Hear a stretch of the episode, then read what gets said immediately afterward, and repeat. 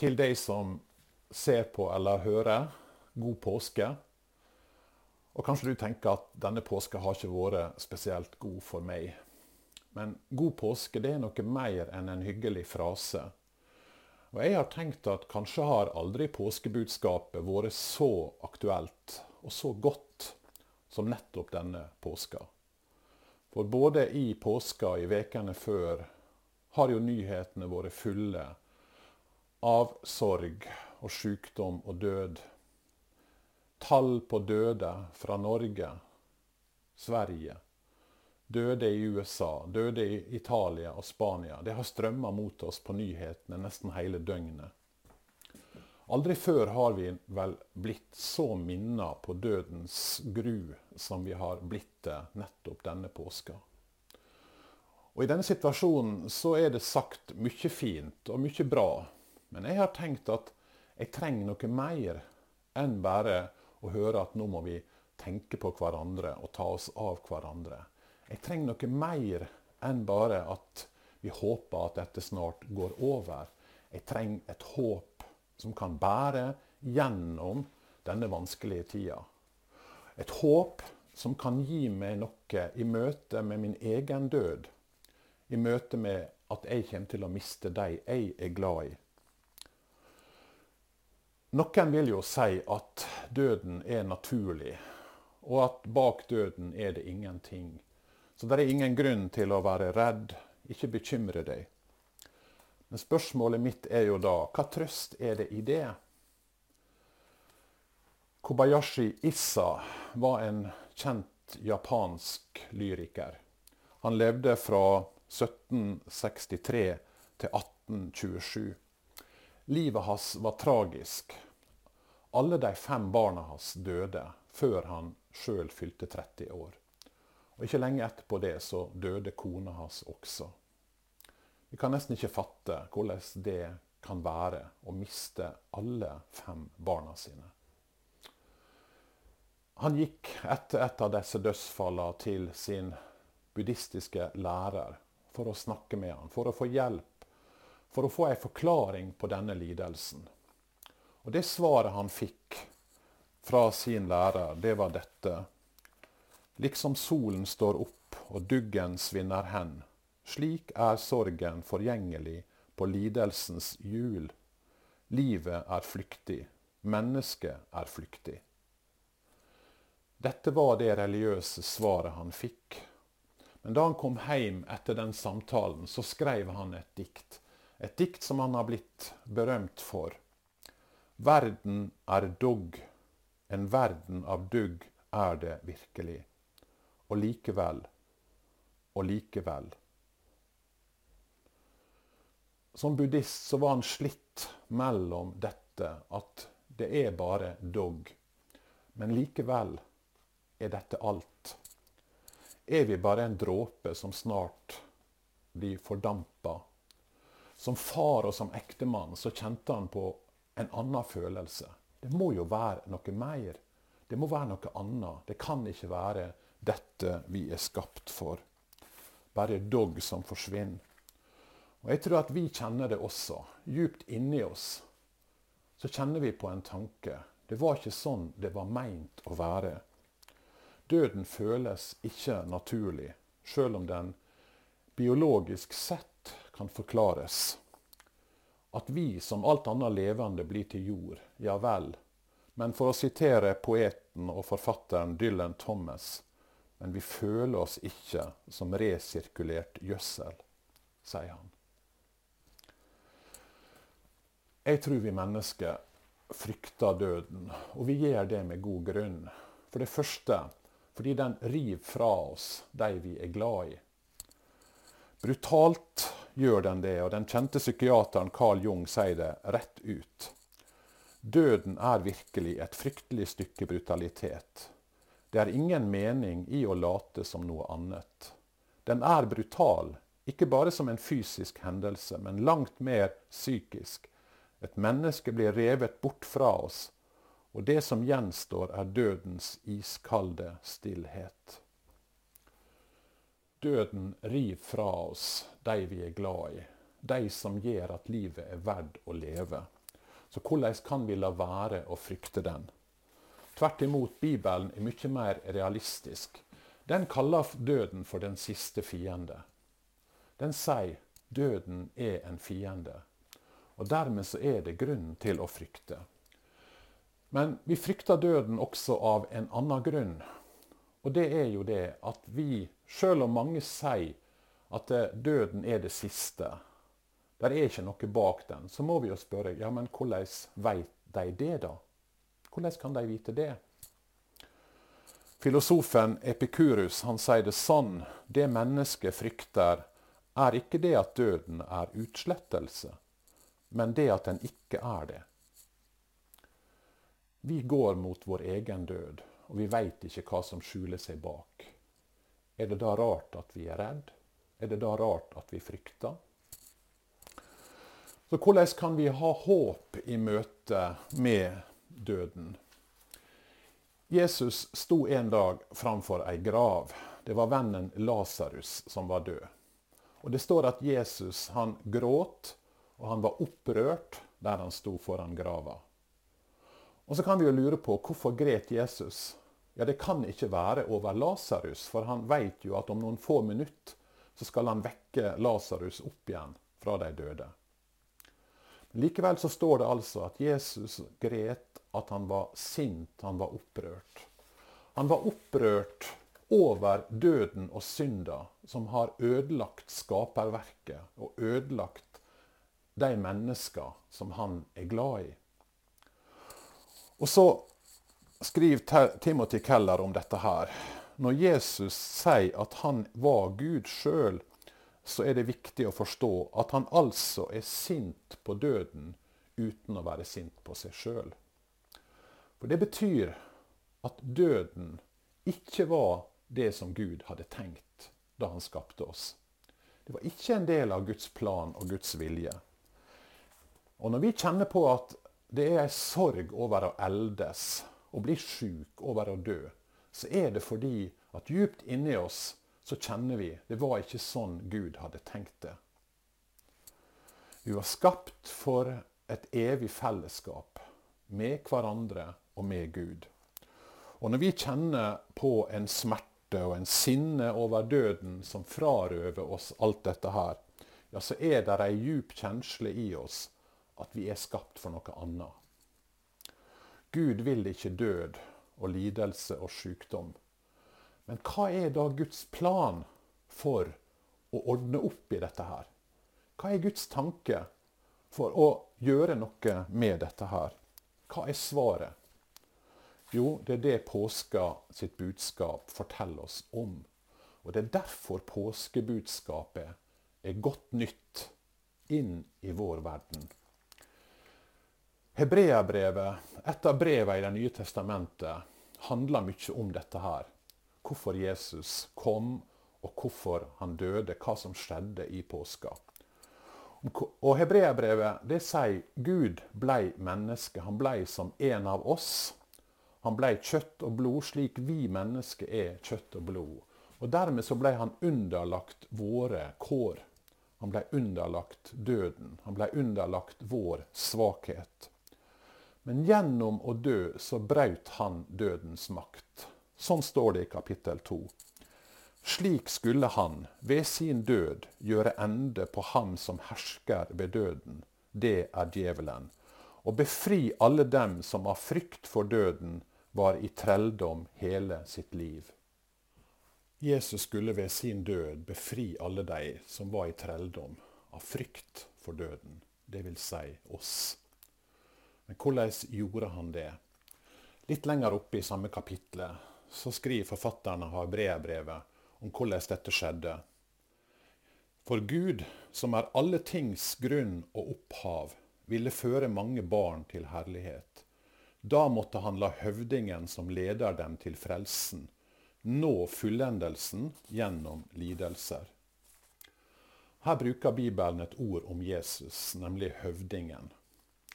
I den nyeste oversettelsen står det 'opphavsmann', men høvding er egentlig et bedre ord, syns jeg, fordi det forteller noe om hva Jesus gjorde.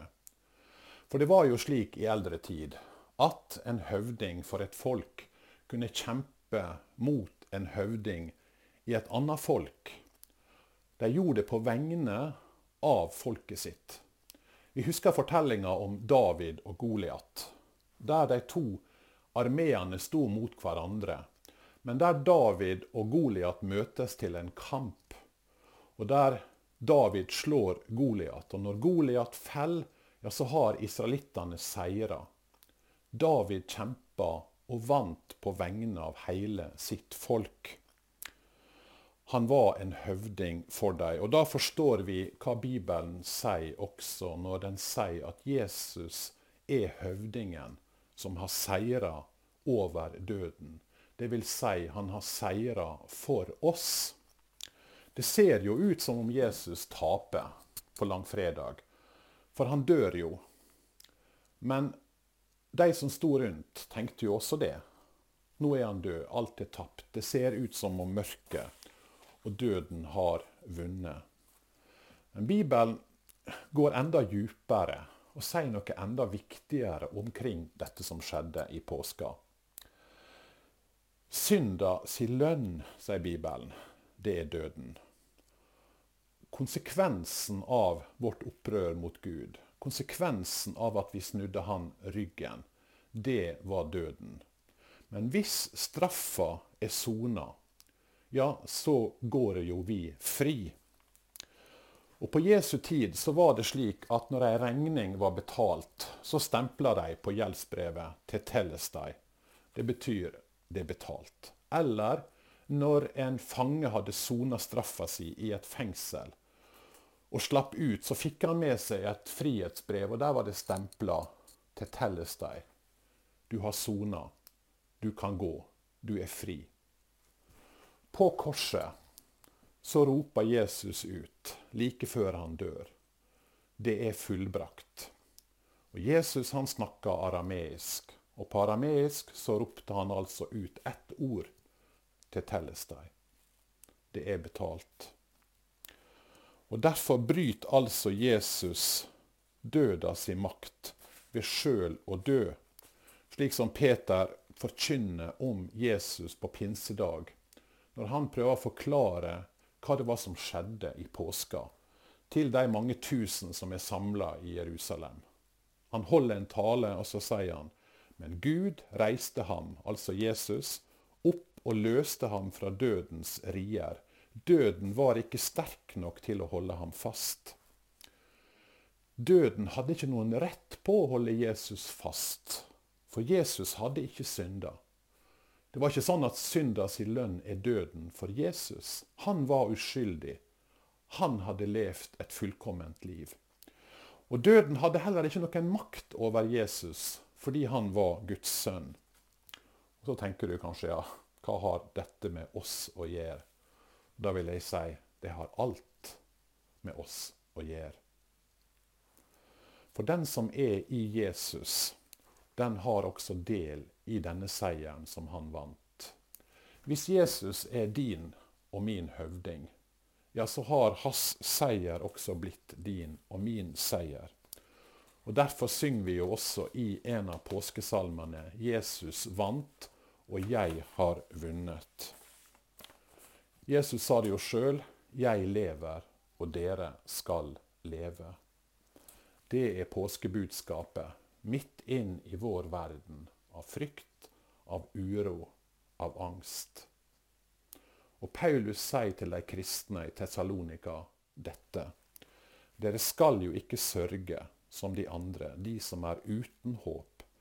For om Jesus døde og sto opp, og det tror vi, så skal Gud også ved Jesus føre dem som er sovnet inn, sammen med Han.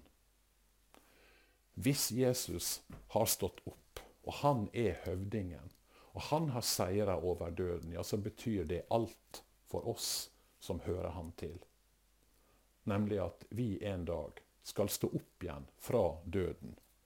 For det kristne budskapet er ikke at sjela er udødelig, eller at sjela etter døden skal sveve i en eller annen sfære, i en åndelig sfære et eller annet sted. Nei, det kristne budskapet er konkret, det er direkte. Vi skal stå opp igjen til en ny kropp i en ny tilværelse. Og Vi skal ikke engang til himmelen, som mange tenker. Nei, himmelen skal komme hit. Gud skal sjøl bo blant oss. Han skal vekke oss opp på den siste dagen. Han skal nyskape det skaperverket som ble ødelagt, til en ny tilværelse. Uten sorg, uten skrik og smerte og uten død. Den 30. juli i 1967 så skjedde det ei stupeulykke i Chesapeake Bay i USA. Ei ung jente på 17 år som heter Joni Eriksson, stupte, traff bunnen og blei lam fra halsen og ned. Hun forteller hvordan hun på sykehuset først prøvde å kjempe for å komme seg tilbake igjen, men etter hvert så innså hun at det var forgjeves, hun innså det at hun aldri kom til å bevege seg igjen, at hun kom til å være lam fra halsen og ned resten av livet. Og Hun skriver om dette her. Hun beskriver alle sine følelser av bitterhet, av sorg, av sinne. Hun klager til Gud over det som har skjedd. Hvordan kunne han la dette skje? Men sakte og gradvis så kommer hun opp igjen av det mørke hullet hun har vært i av depresjon og mørke. Ved hjelp av familien, ved hjelp av terapi. Men hun sier også, ikke minst, ved hjelp av Bibelen. Hun lærte seg å stole på Gud og se realistisk på framtida. Hun lærte seg å male med munnen, skrive med munnen. Hun ble en berømt forfatter og foredragsholder, og hun starta en egen organisasjon som heter Jodi and Friends, for å hjelpe andre som var handikappa. Hva var det som hjalp henne? Hun sier det at det var å oppdage Bibelen på nytt. Og ikke minst det at Jesus hang på korset. Der var han paralysert. Han kunne ikke bevege seg. Akkurat sånn som hun. Men aller mest, skriver hun, så var det oppstandelsen som hjalp henne. Jeg har håp for framtiden nå, skriver hun. Bibelen sier at våre kropper skal bli herliggjort i himmelen. Nå vet jeg hva herliggjort betyr. Det er den tiden, etter min død her, da jeg skal være på beina igjen og danse. Så konkret, så bokstavelig, så godt er det kristne håpet. Paulus han skriver om dette i Filipperne 3. Han skal forvandle vårt svake og forgjengelige legeme, så det blir likt det legeme han har i herligheten. Døden møter oss alle, og døden gjør at vi kjenner på angst og sorg og på frykt. Døden gjør at vi gret, og det er en naturlig reaksjon, og en god reaksjon når vi mister noen av de vi er glad i. Jeg har sittet ved mange sørgesamtaler og opplevd massevis av tårer. Men når Jesus møter de sørgende kvinnene ved grava på første påskedag, så sier han til dem, 'Hvorfor gret dere? Jeg lever.' Døden gjør at vi kjenner på uro. Hva skjuler seg bak døden? Hva skjuler seg bak død og grav? Jesus, som har vært gjennom døden, kommer og møter disiplene sine på første påskedag, så sier han til dem, 'Fred være med dere'. Døden gjør at vi kjenner på frykt. Vi kjenner på angst. Men når Jesus, som har seira over døden, kommer i møte med sine læresveiner på første påskedag, så sier han til dem, Vær ikke redde. Det er påskebudskapet midt inn i vår tid. Jeg veit ikke hvordan du har det, hva du kjenner på av angst eller av uro i disse tidene. Jeg leste om en lege som var kristen, og som gikk på sykebesøk til en venn av seg. Og de satt der eh, ved senga denne vennen skulle dø. Og han var urolig. Han lurte på hva befinner seg etterpå. Hva venter bak dødens dør? Legen prøvde å trøste han, men det var vanskelig. Så plutselig hører de noe som krafser på døra opp inn til rommet der de sitter. Og så sier legen, 'Hører du at det krafser på døra?' 'Det er hunden min.' Jeg satte han igjen nede i første etasje, men nå har han hørt stemma mi, og så har han kommet opp, og så vil han inn. Han veit ikke hva som skjuler seg bak døra, men han veit at jeg er der. Og sånn er det for oss. Vi veit ikke hva som skjuler seg bak døden, men vi veit hvem som er der. Det er Jesus. Han som har seira over døden. Han som har vunnet, og som sier 'Jeg lever, og dere skal leve'. La oss be. Jesus, vi takker deg for din seier på påskedag. Vi takker deg for din seier over døden, over mørket, over alt som vil gjøre oss redd og urolig. Og takk for at den seieren, den gjorde du for oss. At når vi hører deg til, så eier vi denne seieren som du vant. La dette håpet få lov å fylle våre hjerter. La dette være et håp som vi kan formidle til mennesker rundt oss, ja, til mennesker i hele verden. At du lever, at du har stått opp, at du har seira over døden. Amen.